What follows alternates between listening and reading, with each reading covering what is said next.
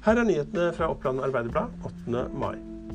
Vi må omorganisere nesten alt, sier rektor Hanne Marken ved Vestre Toten ungdomsskole. Men hun gleder seg til at skolen skal starte opp igjen mandag.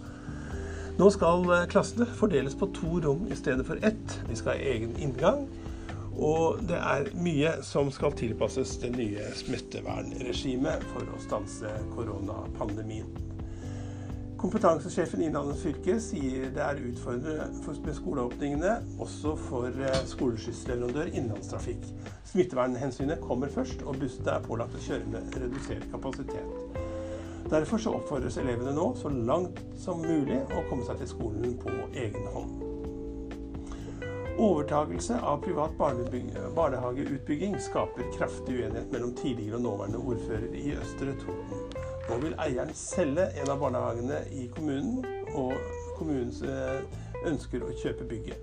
Selgeren krever 29 millioner kroner, mens rådmannens forslag var 26. Nå vil opposisjonen, som rådmannen har anbefalt, kjøpe bygget i kommunal regi.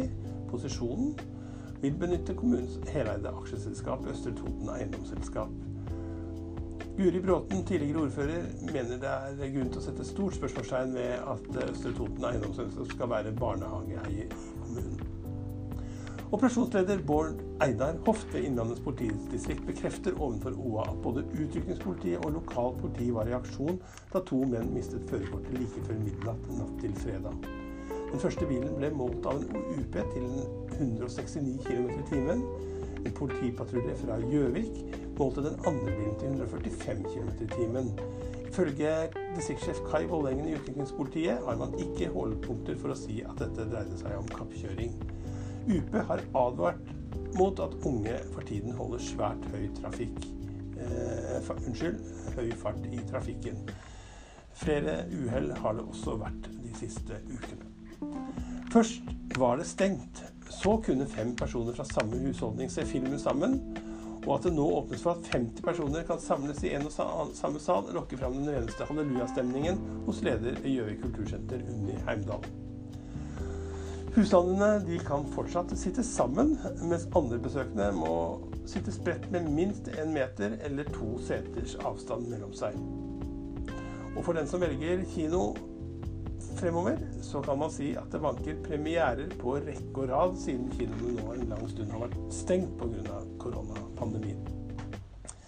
Frigjøringsdagen 8. mai 1945 er i dag, 75 år etterpå, en gledens dag der vi feirer den tyske kapitulasjonen. På Toten kunne imidlertid 8. mai 1945 blitt en dyster dag i historien vår. Denne dagen skulle nemlig 40 enkeltpersoner på Østre Toten arresteres av Gestapo. Og I denne ukens utgave av OA-podden forteller Mjøsmuseets direktør Arne Jølsrud Berg om hvordan en angiver over tid hadde samlet informasjon om motstandsmenn på Østre Toten, og overbrakt dette til den tyske militærpolitiet.